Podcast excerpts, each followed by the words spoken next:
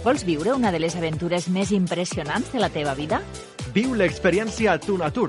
Gaudeix d'una excursió en catamarà amb sortida del port de l'Ametlla de Mar a la Costa Daurada. Dona de menjar i nada entre els centenars de tonyines roges salvatges. Podràs practicar snorkel i submarinisme i gaudir d'una degustació de la millor tonyina roja al mig del mar. Una experiència didàctica i gastronòmica per gaudir en família. Informació i reserves a tuna-tour.com.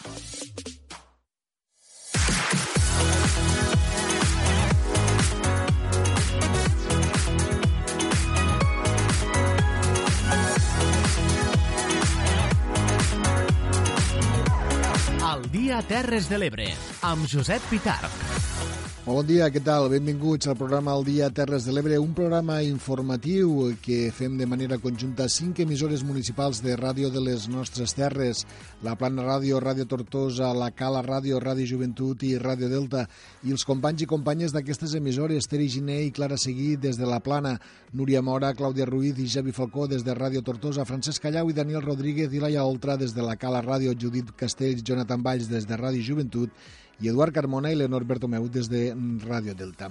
Des d'ara mateix i fins al punt de les dues estirem al vostre costat per tal de posar al vostre abast la informació de la jornada a les Terres de l'Ebre. Una informació, unes notícies que en el dia d'avui presenten els següents titulars.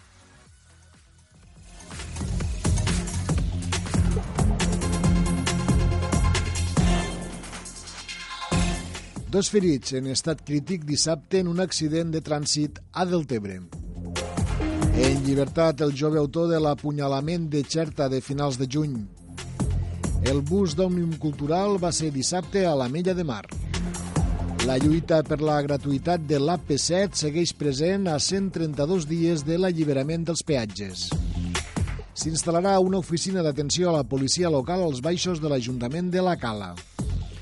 El Servei d'Atenció Diurna del Consell Comarcal del Baix Ebre ha atès aquest estiu un total de 170 infants i adolescents. El pregoner de les festes de la cinta de Tortosa, Manolo Cardona, reclama posar en valor el patrimoni històric de la ciutat. El municipi de la Sènia s'agermana amb el de Cazorla. Amposta habilita una zona canina i una de pesca a la platja dels eucaliptus. Els autors dels treballs de recerca d'Alcanar els cedeixen a la Biblioteca Municipal. L'ampostina Inacid es classifica per als quarts de final del Mundial Absolut de Rem Olímpic. I també en clau esportiva avui direm que destacarem aquesta victòria per 0, per 0 gols a 7 de la Cala al camp de la Cava B en pretemporada.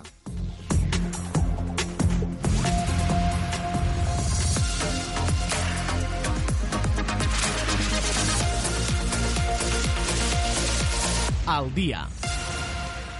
Dos ferits en estat crític, un dels quals menor d'edat, ha estat el balanç del greu accident de trànsit que va tenir lloc a Deltebre dissabte a la tarda. Els dos ferits van haver de ser traslladats en helicòpters a centres hospitalaris de Barcelona. Ens en dona més detalls Eduard Carmona.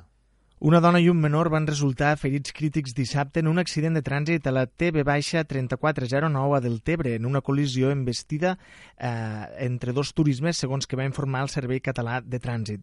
Un dels vehicles va volcar i va quedar tombat en una petita sèquia. Dels quatre ocupants d'aquest vehicle, dos van resultar ferits crítics i van haver de ser evacuats en helicòpter. El menor va ser traslladat a l'Hospital Sant Joan de Déu i la dona a Bellvitge. El conductor va resultar il·lès i el passatger davanter, ferit menys greu, va ser traslladat a l'Hospital Verge de la Cinta de Tortosa. També fou traslladat a l'Hospital Tortosí el conductor de l'altre cotxe que va resultar ferit menys greu.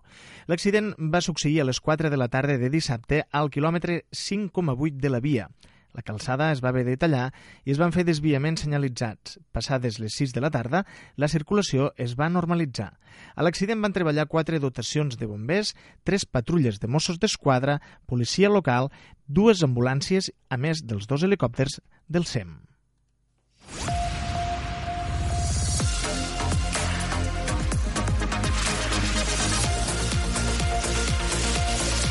Al dia. Segons que ha publicat el setmanari L'Ebre, el jove de Xerta que va apunyalar-ne un altre a Tivenys durant el vell de Quintos del passat 30 de juny fa ja uns dies que està en llibertat, segons que han confirmat fonts penitenciàries i els mateixos veïns de la població del Baix Ebre. El Tribunal Superior de Justícia de Catalunya no ha confirmat si el jutge que l'ha deixat en llibertat amb càrrecs manté o no l'acusació d'homicidi en grau de temptativa. Els fets es remunten, recordaran, al Vall de Quintos de Tivenys a finals del mes de juny, en què una discussió es va saldar amb l'apunyalament. Tot això passava mentre els Mossos d'Esquadra de la Generalitat, que es trobaven al mateix vall, estaven detenint dos joves per un suposat delicte d'abusos sexuals eh, a noies menors de 18 anys, tot i que finalment els acusats van quedar en llibertat sense càrrecs perquè no es va presentar denúncia. La víctima de la gabinetada va ser traslladat d'urgència a l'Hospital Verge de la Cinta de Tortosa, on el van intervenir quirúrgicament i va ser donat d'alta uns dies més tard. Els Mossos van detenir el jove de Jarta i l'agressor va ingressar al centre penitenciari del Callà per ordre judicial, com dèiem, fins fa uns dies. Canviem totalment d'arguments. Sota el lema Ho tornarem a fer, el bus d'Òmnium Cultural va passar dissabte per la Cala, Tal com ja va succeir l'any passat, el bus va protagonitzar la campanya d'estiu des del passat mes de juliol, recorrent una trentena de municipis turístics del país per denunciar la repressió i la regressió de drets fonamentals, així com la llibertat dels presos polítics i el retorn dels exiliats. Francesc Callau. El bus ha ofert informació en català, castellà i anglès amb l'objectiu d'informar els estiuejants sobre el procés i la situació dels presos i exiliats polítics. Dolors Ro, presidenta d'Òmnium Cultural a les Terres de l'Ebre, explica que la internacionalització del procés no és només tasca dels polítics. Aquesta missió, que és una miqueta de d'autoconscienciar-nos i d'aprenentatge col·lectiu que estem fent de la situació que, que estem patint, és necessari que la fem. No hem de fer només que els polítics facin la feina, sinó que també els ciutadans, dins l'exercici del nostre dret com a ciutadans, fem eh, aquesta acció i, per tant, mm, intentem aprendre pues, allò que no sabem o intentem ajudar els que no coneixen la nostra situació que ho puguin conèixer.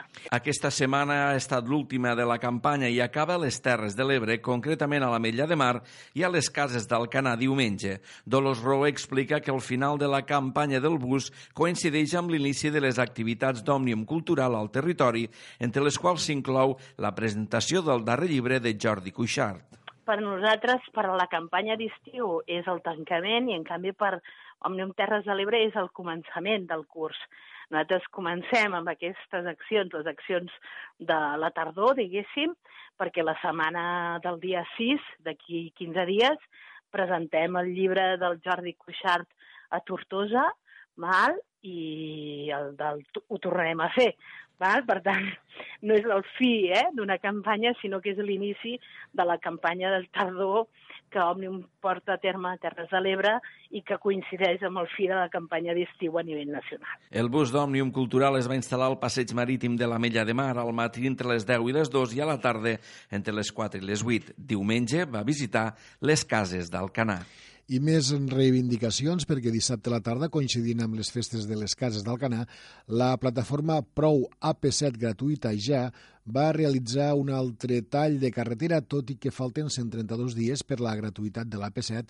La plataforma seguirà, diuen, lluitant per la dignitat del territori. Teri Giner. Així és, Josep Navarro ens recordava que només quedaran quatre talls previstos a fer a Amposta fins que finalment es deslliuri l'AP7 al tram de l'Ebre fins a Tarragona.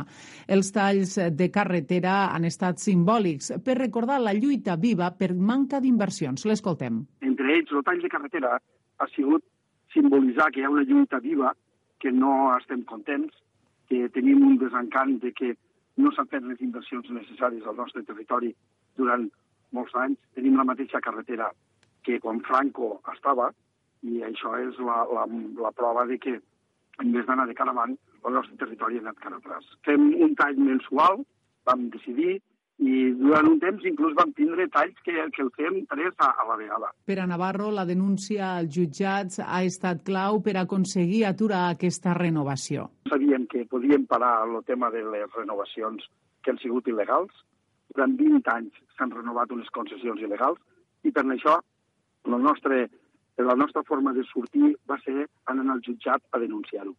En el seu moment vam denunciar les irregularitats, igual al govern de la Generalitat com al govern espanyol, i, i vam denunciar Foment, i vam denunciar Ana Pastor, i, bueno, en aquells moments nosaltres sabíem que teníem que anar via judicial perquè teníem que aturar la, la possibilitat de tornar a llaure una renovació. La lluita que porten a terme des de fa quatre anys seguirà present, entre d'altres, per advertir que les rotondes són un perill. En tota carretera que tingui un, un trànsit superior a 5.000 vehicles diaris, recordar que la nostra era de 24.000, eh, està prohibit, tenen que ser passos eh, soterrats o elevats, mai al mateix nivell perquè ocasiona accidents. Esta setmana mateix n'han hagut dos. Nosaltres intentem eh, que haguin les mateixes inversions que el resto d'Espanya. Recordem que mig centenar de persones tallaven la carretera durant aproximadament mitja hora a 130 dies de fer l'AP7 gratuïta. En clau municipal destacarem que l'oficina d'atenció al ciutadà de la policia local de la Mella de Mar instal·larà s'instal·larà l'actual oficina del registre civil i del jutjat de pau als baixos de l'Ajuntament Calero. Aquesta oficina complementarà la comissaria central situada al polígon industrial de la població. L'oficina del registre civil i del jutjat de pau es reubicaran al segon pis. Francesc Callau. Fer denúncies i tramitar gestions policials es podrà fer pròximament al mateix edifici de l'Ajuntament. De moment, el consistori està treballant amb l'adaptació de dues oficines al segon pis de l'Ajuntament per les funcions del registre civil i jutjat de pau que cediran el seu espai actual a la futura oficina de la policia local.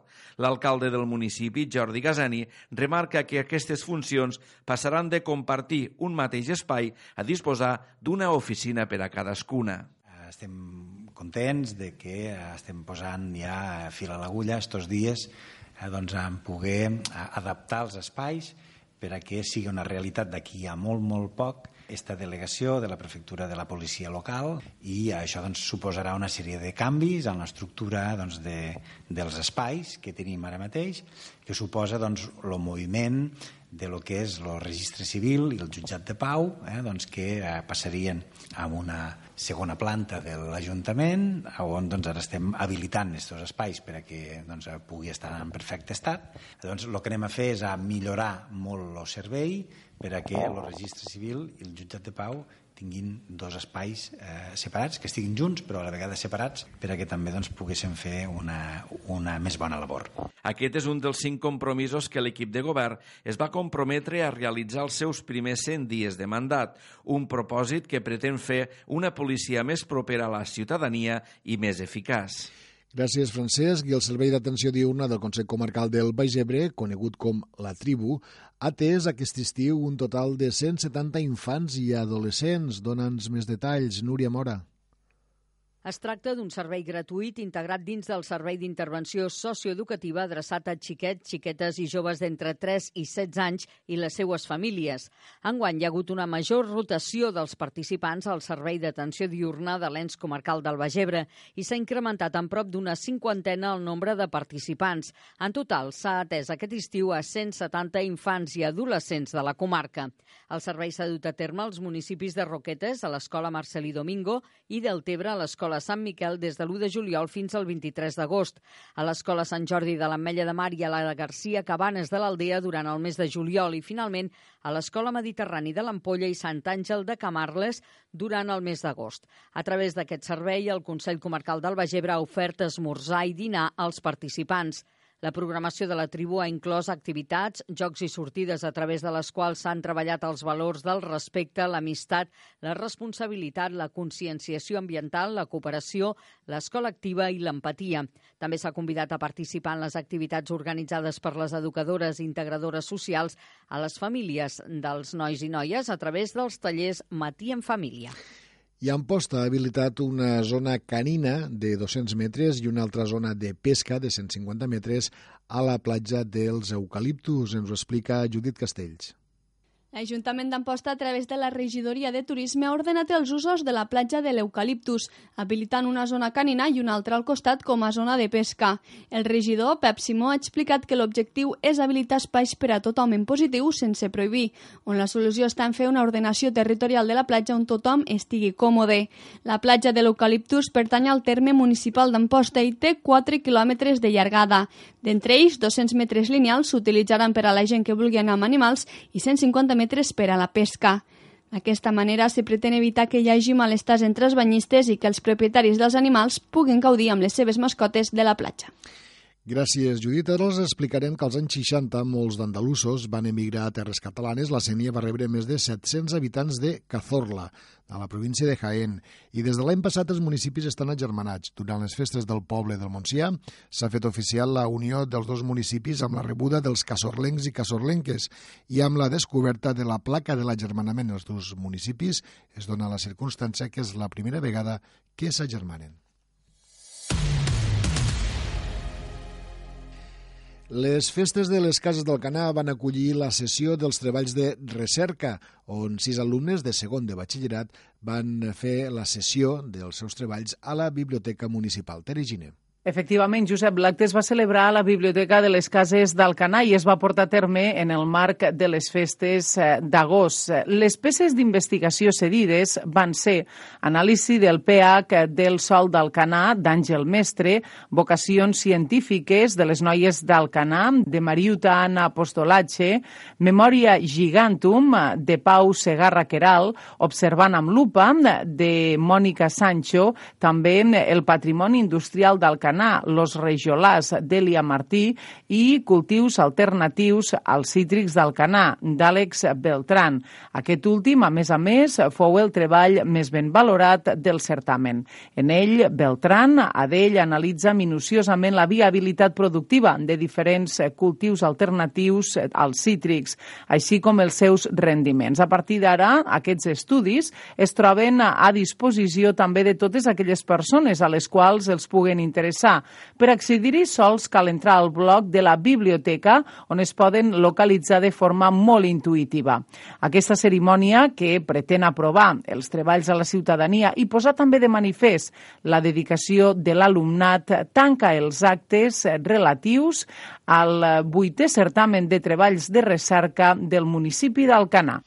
Gràcies, Tere. Per altra banda, el president de l'Associació de Veïns del barri de Santa Clara a Tortosa, Manolo Cardona, ha reclamat a l'Ajuntament que treballi per posar en valor el patrimoni històric de la ciutat. Ho va fer dissabte durant el pregó que va pronunciar i que donava el tret de sortida a la festa major de la capital del Baix Ebre. Núria Mora.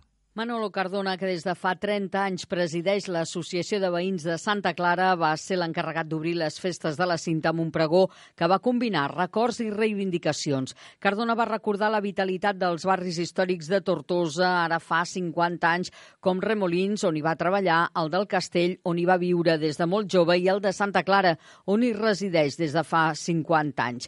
Cardona va aprofitar el seu pregó per reivindicar la potencialitat del patrimoni històric de Tortosa i va va reclamar a l'Ajuntament que continuï apostant per rehabilitar el nucli inter i va reclamar a l'Ajuntament que continuï apostant per rehabilitar el nucli antic en general i el barri de Santa Clara en particular, on va reconèixer que s'hi han dut a terme actuacions importants que han transformat el barri els darrers anys. El president veïnal va demanar també la complicitat dels tortosins i tortosines per posar en valor els actius turístics de la capital del Baix Ebre. Jo espero i desitjo que des de l'alcaldia, i així ho demano, i des de l'Ajuntament de Tortosa, que prenguen en concepte que sí que han fet molt, encara que moltes persones diguen el contrari, jo puc atestiguar que almenys el que es toca al meu barri sí que han fet, han de fer més, que aposten pel casc antic, que avui en dia Tortosa és una ciutat turística que s'ha de saber explotar i de serveis, que per desgràcia no tenim empreses grans i per tant hem d'optar pel bo que tenim i explorar tot el patrimoni que tenim, que és molt i molt bonic. Però torno a repetir, això ens ho hem de creure tots els tortosins i tortosines. Perquè si nosaltres mateix no ens ho creiem, per molt que passen les autoritats, no podrem avançar res. Manolo Cardona va reivindicar Santa Clara com un dels barris més privilegiats de la ciutat, que compta, entre d'altres, amb el convent de les Clarisses, que amb 800 anys d'història és un dels més antics de Catalunya. Amb el pregó, la proclamació de les reines i pobilles, la presentació de les penyes i la trobada de gegants, les festes de la cinta de Tortosa han escalfat motors aquest passat cap de setmana de cara a cinc dies intensos amb el gruix d'actes que s'encetaran aquest proper dijous. Parlem ja d'esports. El primer equip de la Societat Cultural Esportiva i Recreativa de la Mella de Mar va salvar amb èxit el quart compromís de la pretemporada en imposar-se per un contundent 0-7 a domicili a la Cava B de quarta catalana. Francesc Callau. Els caleros van encarar el partit molt aviat després que Aleix Vizcarra aprofités una recuperació d'Asdin per avançar els caleros ja en el minut 3. A partir d'aquí, recital de recuperacions i posteriors definicions d'Asdin, que va fer un hat-trick en 20 minuts, col·locant un contundent 0-4 en el marcador en el minut 30. Sam Garcia de penal va fer el 0-5 amb el que va finalitzar la primera part. A la segona la dinàmica va ser la mateixa tot i els molts canvis que va fer l'entrenador. L'equip va seguir creant ocasions ocasions, tot i que sense massa encert a l'inici. Diverses ocasions de Froi Martí, Javi Fages i Josep Madrid van sortir fregant el pal o anant a parar els pals de la porteria Cavera, fins que al minut 82 arribaria el sisè gol després que Froi aprofités una passada a l'esquena de la defensa per marcar després de diblar-se el porter. El 0-7 arribaria 5 minuts després quan Robert Beltran va aprofitar una pilota recuperada per Asdin per tancar el marcador destacar el partit d'Asdin, que va fer tres gols i va intervenir decisivament en altres dos. Aquesta és la tercera victòria en quatre partits de preparació d'aquesta pretemporada dels Caleros, que s'han produït davant del Camarles, el Vilaseca i la KBB, i una derrota davant del primer equip de la Rapitenca. Dissabte els Caleros tenen l'última prova davant del Montroig de la tercera catalana. I del futbol al rem, l'ampostina Aina Cid i la seva companya Virginia Díaz s'han classificat per als quarts de final del Mundial Absolut de rem olímpic que s'està disputant a Àustria. Judit Castells. Gran estrena del 2 sense timone femení format per les remeres Aina City i Virginia Díaz al Campionat del Món Absolut de Rem, on s'han imposat en la seva sèrie i han fet el tercer millor temps de totes les participants, classificant-se així a la ronda de quarts de final. En aquest Campionat del Món, que s'està disputant a Linz Ottensheim, a Àustria, és on se reparteixen la majoria de les places olímpiques per a Tòquio 2020. Aquest dimecres, 28 d'agost, l'ampostina Aina City i la seva companya gallega Virginia Díaz disputaran els quarts de final i en cas que fossin de les primeres, el dijous remarien les semifinals. Aquest Mundial Absolut de Rem Olímpic és la prova més gran després dels Jocs Olímpics on un remer pot participar. I encara un darrer apunt esportiu per dir-los que, el, eh, que es va ahir aixecar el primer títol del tècnic andesà Rafael Navarro, que s'incorporava en guany a la disciplina del Futbol Club Barcelona femení com a segon entrenador de Lluís Cortés. Com dèiem, ahir va poder aixecar la primera copa del nou projecte Blaurana, revalidant el títol de la Copa Catalunya, que es va adjudicar davant del Real Club Deportiu Espanyol per 4 gols a 0. Ara sí, fem una breu aturada, una pausa publicitària i tornem en uns segons.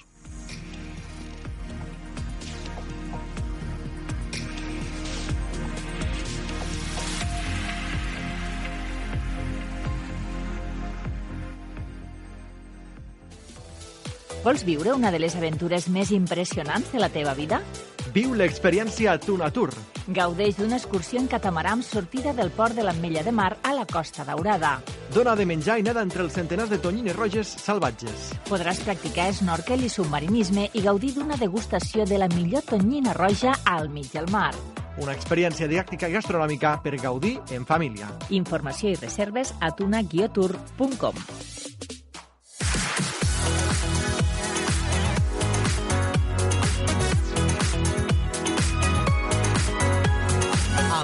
Terres de l'Ebre, amb Josep Pitarc.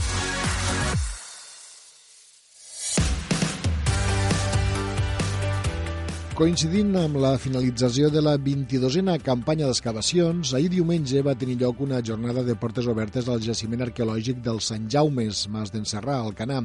En el transcurs de la visita es van donar a conèixer els resultats de la darrera intervenció que han dut a terme els arqueòlegs del grup de recerques en arqueologia protohistòrica de la Universitat de Barcelona, dirigits pel doctor David Garcia.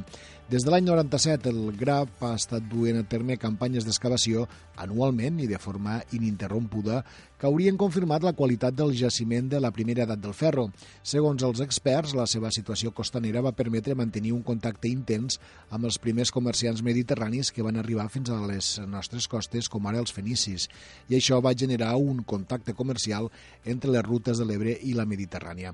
A més de resultar molt ric en troballes materials, els arqueòlegs valoren l'excel·lència excepcional estat de conservació de les estructures que en alguns casos compten amb murs originals de molta alçada.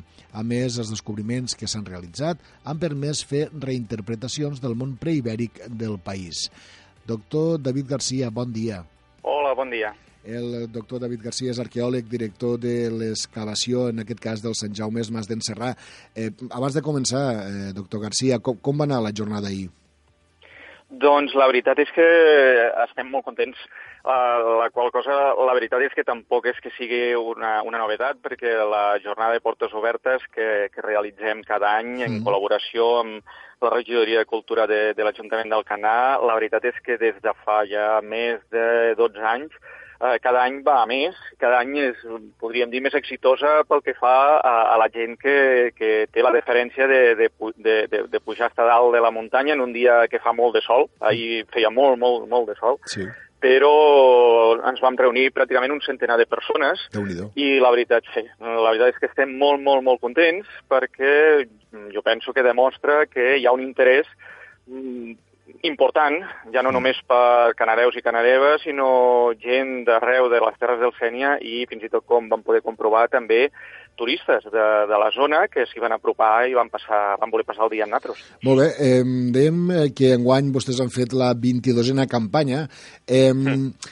En aquesta campanya, quin, quins podríem dir que han sigut els principals avenços, les, les, les principals eh, conclusions, les principals troballes, també, una mica? Sí, Uh, a veure, poso un palet en context. Com sí. molt bé ho he explicat, uh, el Sant Jaume és, uh, és un jaciment excepcional, singular, ja no només a l'àrea catalana o del nord del País Valencià, sinó uh, a tota la península ibèrica i fins i tot en molts aspectes arreu d'Europa perquè per la seva antiguitat, eh, com heu dit, és anterior a la cultura ibèrica, és eh, de la primera del ferro, i a més a més no és un poblat, com algú a vegades, eh, de manera una mica equivocada, pues, pues percep, sinó que en realitat és una gran residència, una gran residència fortificada, mm. podríem equiparar-lo un petit palauet, eh, un petit castell d'aquell període, uns 700 metres quadrats, que a més a més de que això ja és excepcional per ell mateix, perquè no en tenim cap altre, a més a més el seu estat de conservació és extraordinari en tots els aspectes. Mm, en 22 campanyes mm, n'hem après molt d'aquest jaciment i eh, pel que fa en guany eh, hem estat treballant en set espais diferents, tant dintre com fora de, de l'assentament, i eh, l'aspecte potser que ens ha sorprès més, que ens ha és més destacat, sens dubte, és que en aquesta gran casa fortificada resulta que pensem que podem proposar amb prou arguments que existeix una mena de petita capelleta, un espai religiós, sagrat, sí. en el qual probablement s'hi durien a terme algun tipus de rituals, mm, que ara estem mirant d'acabar de concretar, la qual cosa eh, ja és excepcional novament per ell mateix, sumant el fet de que fins ara no teníem cap, cap element per parlar de, de la religiositat, vaja, del món sagrat mm. d'aquestes comunitats. Per tant, això ens podia donar més informació no, sobre l'espiritualitat no, en, en, en aquesta època?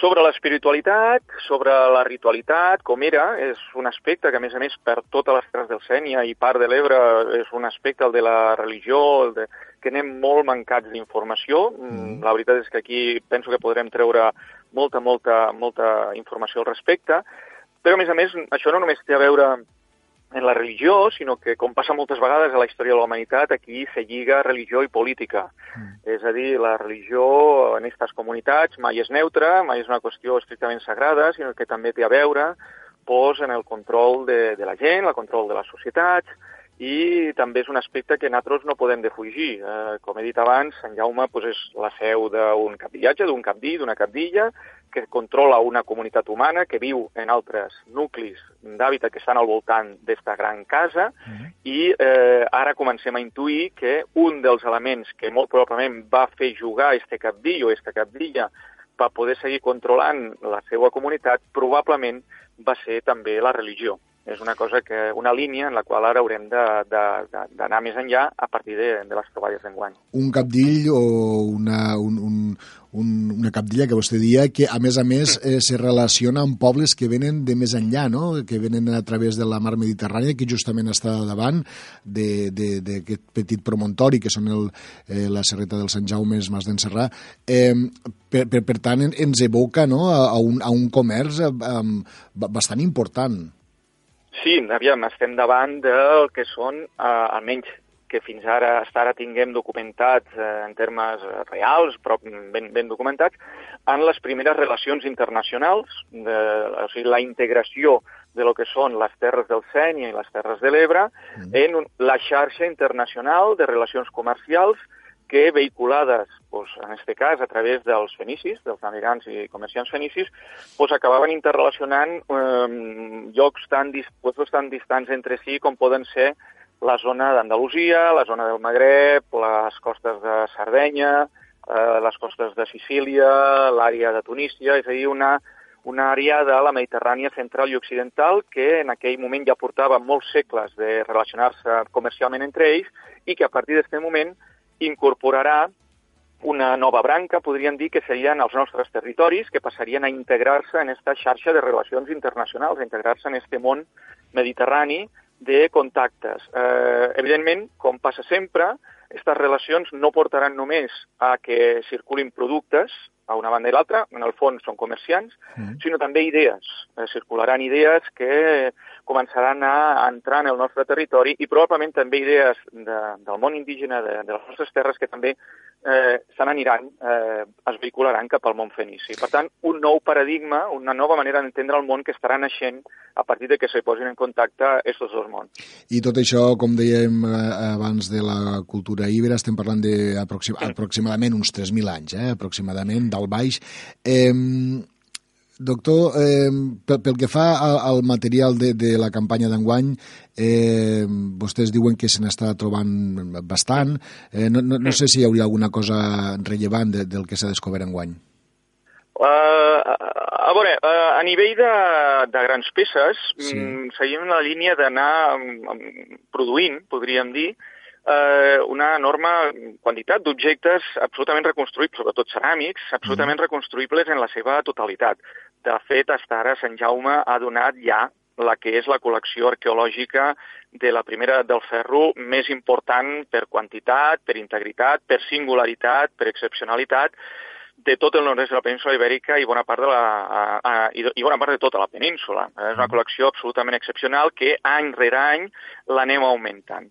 Pel que fa a, concretament a este any, la veritat és que les, els objectes que més destaquen, podríem dir, són un parell molt menuts, molt xicotets, que són precisament en esta capelleta. En esta capelleta ha aparegut un banc, un banc, un banc adossat a un mur, mm. i en el mig d'este mur han aparegut un petit de vaseig molt menuts, com si fossin de fireta, com si fossin de joguina, mm. un parell de vaseig mm, íntegres, eh, intactes, que estaven eh, integrats, que estaven enclavats en este banc. Doncs bé, en la gràcia afegida, la circumstància afegida de que un estava enclavat en este banc de peu, en el cul tal com li tocava, i l'altre, en canvi, estava clavat a l'inrevés. Entenem que aquests dos vasets, que són bessons, que són molt menuts, que són molt xicotets, tenen un valor simbòlic i ritual molt important en aquesta capelleta, i per tant, malgrat que són molt, molt, molt menuts, ja dit, són absolutament miniatures, realment són l'element més important d'aquest espai sagrat. Ara haurem de veure, aviam, a què, respona,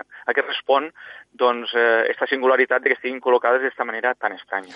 Doctor David Garcia, director de l'excavació del, eh, del Sant Jaume Mas d'Encerrà, enhorabona per la feina que estan fent, no des d'ara, diguem ja des de fa 22 campanyes, estan traient a la llum una informació importantíssima i bé, els, eh, suposo que hi haurà més campanyes, no? Sí, sí, tant. Eh, portem, com tu bé dius, 22 campanyes al Sant Jaume. Havíem treballat a Moleta del Remei, en el, sí. un altre jaciment al Canà, des de l'any 85 fins al 97 també, i en el cas de Sant Jaume diríem que la dinàmica que portem és que aproximadament podríem dur a terme encara unes 20 campanyes més. Per tant, tenim feina per molt de rato. No ens alegrem i que aquesta feina sigui tan exitosa i tan bona eh, com la que estan duent a terme com, eh, com fins ara. Doctor David Garcia, director de l'excavació, moltíssimes gràcies per atendre la nostra trucada i fins una propera ocasió. Moltes gràcies a, a vosaltres pel vostre interès. Una abraçada. Una abraçada.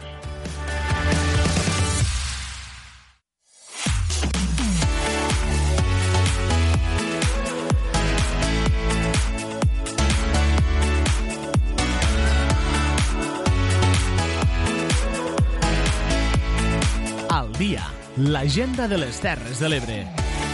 21 minuts i mig, arribarem al punt de les 2 de la tarda. Ràpidament anem ja per l'agenda de les Terres de l'Ebre amb, amb les connexions, amb cadascuna de les emissores que fem aquest programa. Començarem als estudis de Ràdio Tortosa, on hi ha la nostra companya Núria Mora. Núria, bon dia. Bon dia, Josep. Avui, si et sembla bé, anem fins a Prat de Comte, a la Terra Alta, el poble més menut de les Terres de l'Ebre, que està immers en la seva festa major en honor a Sant Salvador. Unes festes que, tot i que van començar el passat dia 22, continuen fins aquest dimecres, dia 28 d'agost. Avui és la diada infantil, hi haurà xocolatada i disfresses a partir de les 6 de la tarda. A les 9 i mitja hi haurà ball amb l'orquestra Àgora Demà dimarts s'ha programat una gimcana a les 5 i una botifarrada de fi de festa a les 10 de la nit.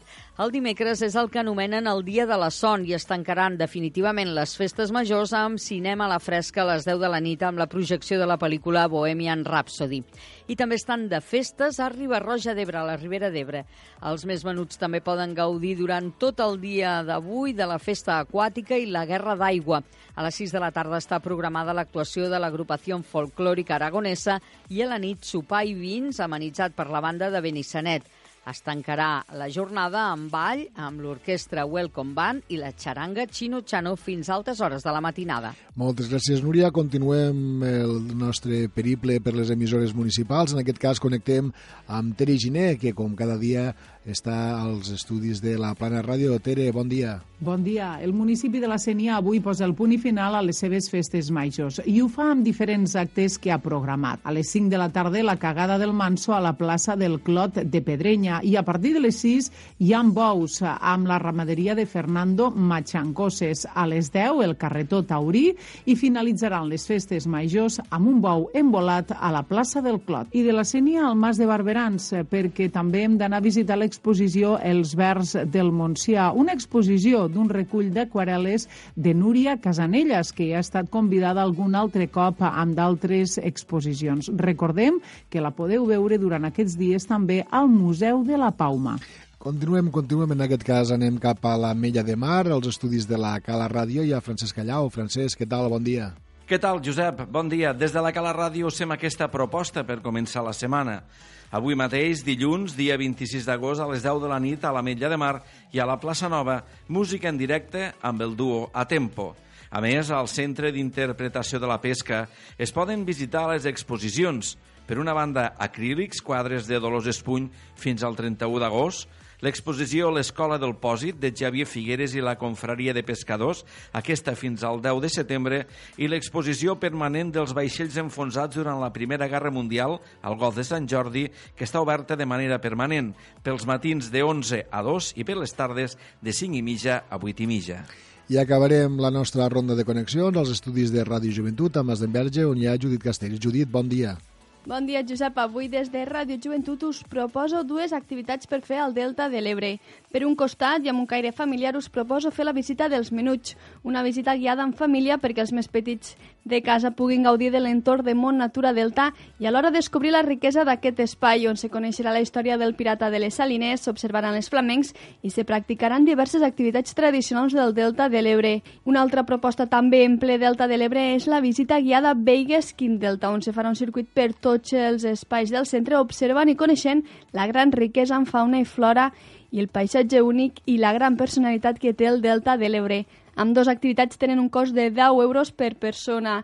En el cas dels infants d'entre 5 i 12 anys, l'entrada costarà 5 euros.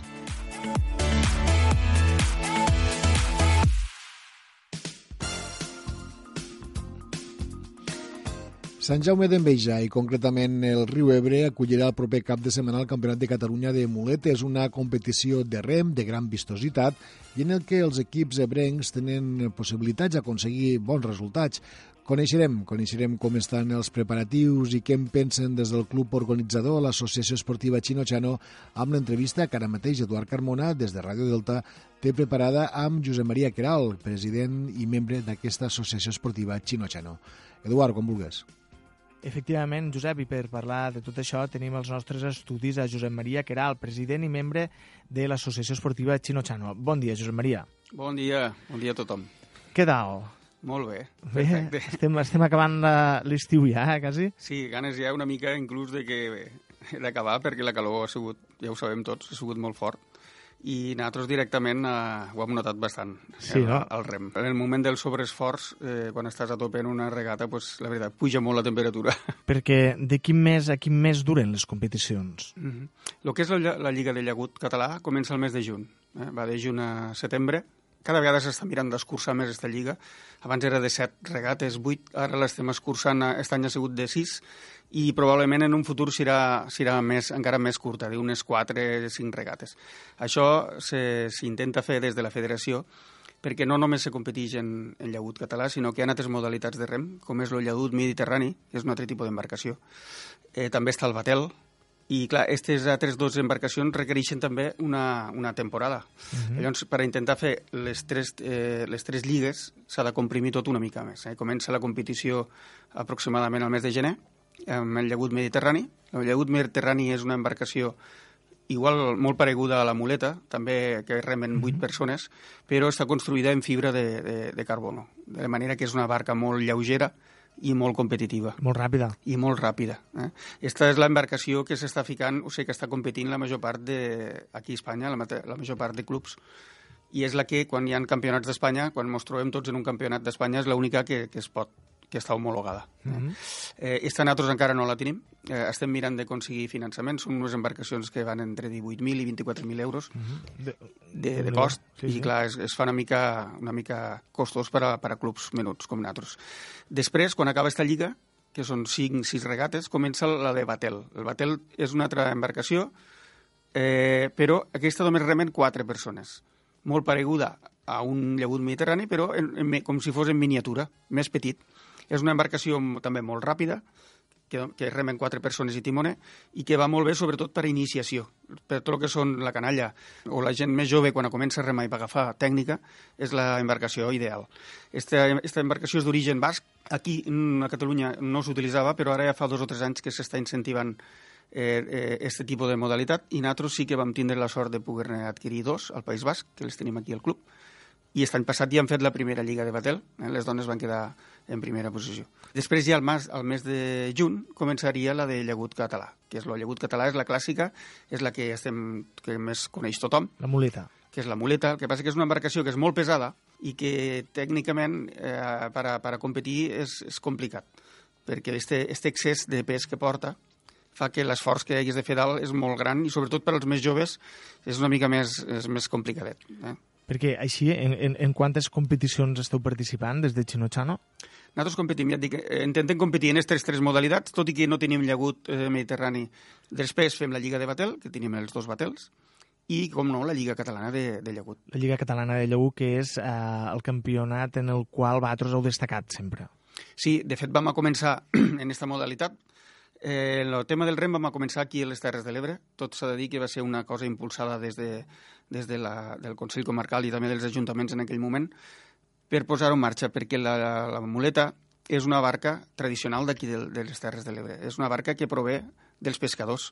No és una barca que hagi aparegut així com així. Mm -hmm. Era una barca que s'utilitzava aquí a l'Ebre pues, per anar a pescar, per a calar xarxa, inclús per a creuar el riu en mercaderies. Eh, abans de les barcasses hi havia aquestes muletes que anaven alguns pescadors o gent que remava i passaven un, persones d'un lloc d'una banda a l'altra o un, un que passava un, una cabra o el que sigui. El meu pare mateix, que té ara quasi 80 anys i que ha viscut tota la vida a la vora del riu, ell recorda com anava aquí al de Cosa del Pas i aquí n'hi havia una de muleta i ell quan, com eren joves, pues los, los més grans, els vells, els diuen, va, rema tu, saps? Per, perquè, claro, tot el dia remant. I ells se passaven el dia passant gent d'una banda a l'altra perquè això ells se l'haven de fer, de, de fer aquesta activitat. Sí, sí, sí, sí. Llavors, quan arribaven les festes, s'ajuntaven eh, els pescadors de diferents pobles, d'aquí del Tebre, d'Amposta, i feien com una competició entre ells en els trastes que tenien eh, de, de treballar, no és que hi havia res de competició com ara. Sí, sí. I eren, pues, la veritat era que eren uns homes molt forts i molt durs i que i, bueno, i anaven a aquestes regates, competien, passaven un dia de festa i després tornaven a la feina. No?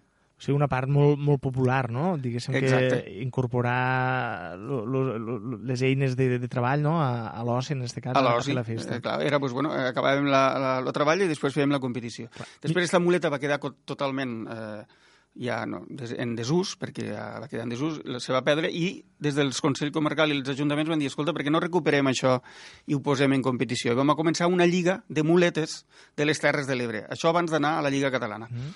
I en base a aquesta lliga, la gent se va anar engrescant i és quan després em vam donar compte que hi havia una lliga federada, una lliga catalana a ni- a nivell de Catalunya, que es podia competir i vam dir, ostres, per què no ho provem?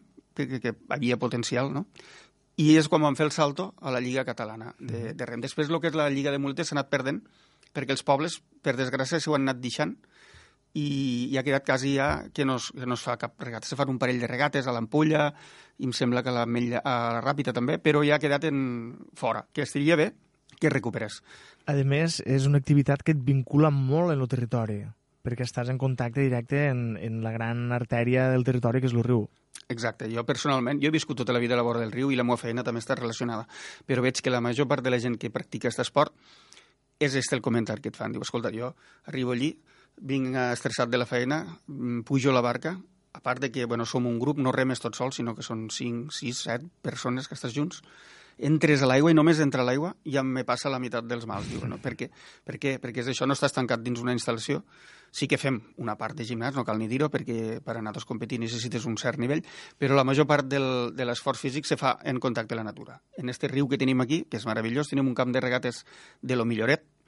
Tots els clubs que venen de totes les parts de Catalunya, quan veuen este riu nostre, i veuen les instal·lacions que tenim en aquest poble, se queden meravellats, no entenen com és que no hi ha més gent practicant, que és un, un dels, dile dels nostres dilemes, i és el que dius tu, surtes a remar, se te fa de nit, veus una posta de sol preciosa, veus les aus, veus els peixos que et passen pel costat, en un entorn eh, fantàstic, no? i a més fent una activitat eh, en, en conjunt, en grup, creant amistat i sobretot disfrutant molt de lo que és la natura. En quin moment naix Chinochano? Bé, Chinochano ja té una història llarga, de, estem parlant de més de 20 anys. Eh, Martí Calvo i el seu germà són els que van iniciar, este, i també em sembla que Polet va estar als inicis.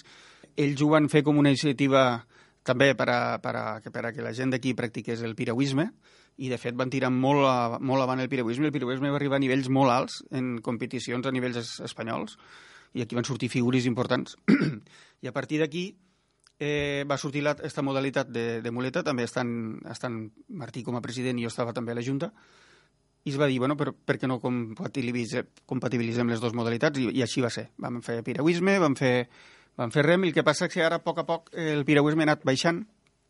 Molta de la gent que practicava piragua se va deixar de, de practicar, i eh, estem en una fase de tornar-ho a reiniciar. No volem que es pergui aquesta modalitat, sabem que té molts d'anys d'història i des de que hem entrat com a, com a Junta ho estem intentant, de totes maneres, tot i que ja et dic que s'està fent molt complicat perquè no hi ha, no hi ha, la gent jove no acaba de voler arrambar-se a practicar aquests esports al riu. Jo aquest any mateix he estat a totes les escoles de, de Deltebre fent una xerrada informativa explicant-nos la part sempre més bonica perquè per a no assustar i la veritat, eh, de tots els col·legis que tenim aquí només he pogut captar un sol nen i això és per a que ens plantegéssim o ens replantegéssim una mica què és el que està passant. És impossible que no tinguéssim més, més gent practicant-lo, no? i, ens hem d'esforçar en això. Quines condicions s'han de tindre per a formar part de l'associació? La única condició és tindre mínim 5 anys i sense límit d'edat. Eh? Jo tinc el meu pare remant en, en quasi 80 anys. No hi ha cap problema. Eh? Eh, tenim uns plans d'entrenaments adaptats a cada edat. Quan un se fa soci ja se li explica quin és el pla d'entrenament que ell ha de seguir i després té les dues possibilitats. O vindre aquí a practicar el rem, posar-se en forma i ja està, o si ell té ganes de dir no, no, jo tinc ganes de competir i pues, cap problema. Llavors entra en la part de, de, de competició. L'únic requisit, ja et dic, és eh, saber nedar, això sí ho demanem. Sí, és important. Tot i que, bueno, eh, tenim xalecos i això, els crios sempre els menors d'edat van en xaleco. Ho dic sobretot pels pares també, perquè a les escoles m'he trobat que els crios me diuen és que el meu pare me diu que al riu no es pot anar perquè et puc ofegar, o perquè hi ha silurs, o... Clar, aquests mites que tenen la, la gent, que no, hi ha, que no hi ha cap problema, perquè ja et dic, van protegits, van en xaleco, han de saber nedar, i l'entrenador, per exemple, el primer que fa les primeres setmanes és ensenyar-los a caure de la piragua, a sortir, claro. A ajudar un company a, a pujar la piragua, a treure la piragua fins a la vora, vull dir, tot això se'ls ensenya i al contrari, se ho passen de meravella perquè se, són jocs d'aigua i, se, i ho passen molt bé. Eh, nosaltres aquí al club cobrem una quota de 20 euros, ja que estem aquí, te ho comento, perquè veiéssiu que tampoc és cap... 20 euros a l'any. 20 euros al mes, al perdona. Mes. 20 euros al mes i una fitxa inicial de 60 euros que només se paga la primera vegada. Uh -huh. Esta fitxa és per a cobrir la part de la part mèdica, diguéssim, el seguro uh -huh. mèdic per a que si hi hagués alguna lesió o alguna cosa. Uh -huh. Després, 20 euros al mes. Eh, a veure, hem de, heu de pensar el que et comentava abans, estem en una eh, utilitzant un tipus de material que és molt car. Un simple mm -hmm. rem val 400 euros, un mm -hmm. rem de fibra de carbono. Les embarcacions van des de 12.000 a 25.000 euros. Clar, tot aquest material, tot el que és el manteniment, i, o si s'ha de comprar alguna piragua o alguna embarcació, és bastant material bastant car. I clar, no podem, no podem fer una quota més barat d'aquest preu. Eh? I ja està. Arrambar-se aquí, vindré a preguntar per nosaltres. Nosaltres estem tots els dies entrenant, de 5 a 9 de la nit. Pot vindre qualsevol persona, família, un nen, ve aquí, li ensenyem les instal·lacions, té una setmana per a provar-ho sense cap compromís i si després de provar-ho s'engresca, pues se pot fer soci i ja està, i endavant. Quina valoració feu de la temporada? Ha sigut una bona temporada per a Chino Chano? Nosaltres estem molt contents. Eh, a veure, eh, vist des de fora, clar, no, sempre el que compta és el primer, no? El que ens agrada és guanyar, la primera posició és el que, lo que compta i és el que es veu, però la veritat, en la competitivitat que ha hagut aquest any, que hi ha hagut eh, molts clubs molt preparats i en un nivell molt alt, estem molt contents. L'any passat van quedar segons en sènior masculí i segons en la categoria veterà femení, que són les dues embarcacions actualment que tenim. Eh, va ser un treball extraordinari i va quedar molt bé. Però aquest any, tot i haver quedat tercers, eh, estem molt contents perquè, per, pel que et comentava. O sigui, ha sigut, hem, hem començat la temporada en cinc clubs en, una, en un nivell altíssim. Estem parlant de clubs com Flitch, que tenen hasta set tripulacions. Estem parlant de Cambrils, un altre club que presenta entre 7 i 10 tripulacions. És molta gent, eh? Són moltíssimes fitxes federatives, molta gent per a poder seleccionar. Los Xons d'Empúria Brava han, que han pegat moltíssima canya, eh, Rem Badalona, bueno, tots clubs mm, molt preparats i amb molta gent, i que bueno, nosaltres hem estat al, al seu nivell, uh -huh. fins al punt que hem acabat la Lliga tercers, però a l'última regata d'aquí del Tebre la separació de nosaltres en la primer era de menys de mig segon. Uh -huh Llavors això ens dona... Això és fotofinish, eh? Claro, això és quasi fotofinish, això vol dir que hem anat de menys a més i que estem que ens trobem molt bé físicament i que arribem ara al campionat per a la setmana que ve en moltes ganes de guanyar-lo. Això et volia preguntar, quines expectatives tenim de cara, de cara al cap de setmana que ve? pues això, ara, des de que hem acabat la Lliga, l'entrenadora ens ha estat fent un, un planning de 15 dies d'impacte per a poder, per a poder arribar a, a aquest campionat en les millors condicions. El grup està molt cohesionat, estem, hem estat entrenant totes les festes, i estem preparats per a, anem a guanyar-lo. O sigui, la nostra intenció és guanyar-lo. Només això, comentar-te també que, que a Sant Jaume d'Enveja tenim una sort immensa perquè el campionat són dos dies i el fet de poder competir a casa serà fantàstic. Eh? A més, Sant Jaume eh, s'ha equipat en un pantalà nou, que la gent pot anar a veure, un pantalà guapíssim, que, és, eh, que podran, totes les embarcacions ja podran posar-se allí en el moment dels canvis de tripulacions i crec que farà molt bonic veure, per exemple, des de dalt del pont, que s'anime tothom a, a vindre. Sant Jaume està pegant molta canya el tema del banc mòbil, Meritxell està entrenant a Sant Jaume, però també ens està entrenant a nosaltres en, en la muleta, vull dir, estem, els dos clubs estem intentant treballar conjunts en algunes coses, estem a molt poc de reunir-nos i intentar treballar junts, perquè encara que estéssim separats per un riu, amb, som, estem tots al mateix nucli i hem, de, i hem de fer coses junts, i la intenció és d'anar creixent i a veure si la gent d'una vegada s'arramba al riu i s'anima i, i fem rem. Tant de bo, tant de bo. Moltes gràcies, Josep Maria. I gràcies per tot el que porteu al poble. Gràcies a vosaltres per poder-me explicar. Bé, moltíssimes gràcies a tots dos. Eh, hem de deixar el programa aquí, en aquest punt. Recorden que estarem novament amb tots vostès demà, a partir, si així ho desitgen, a partir de la 1 i 5, al programa El Dia Terres de l'Ebre. Fins demà.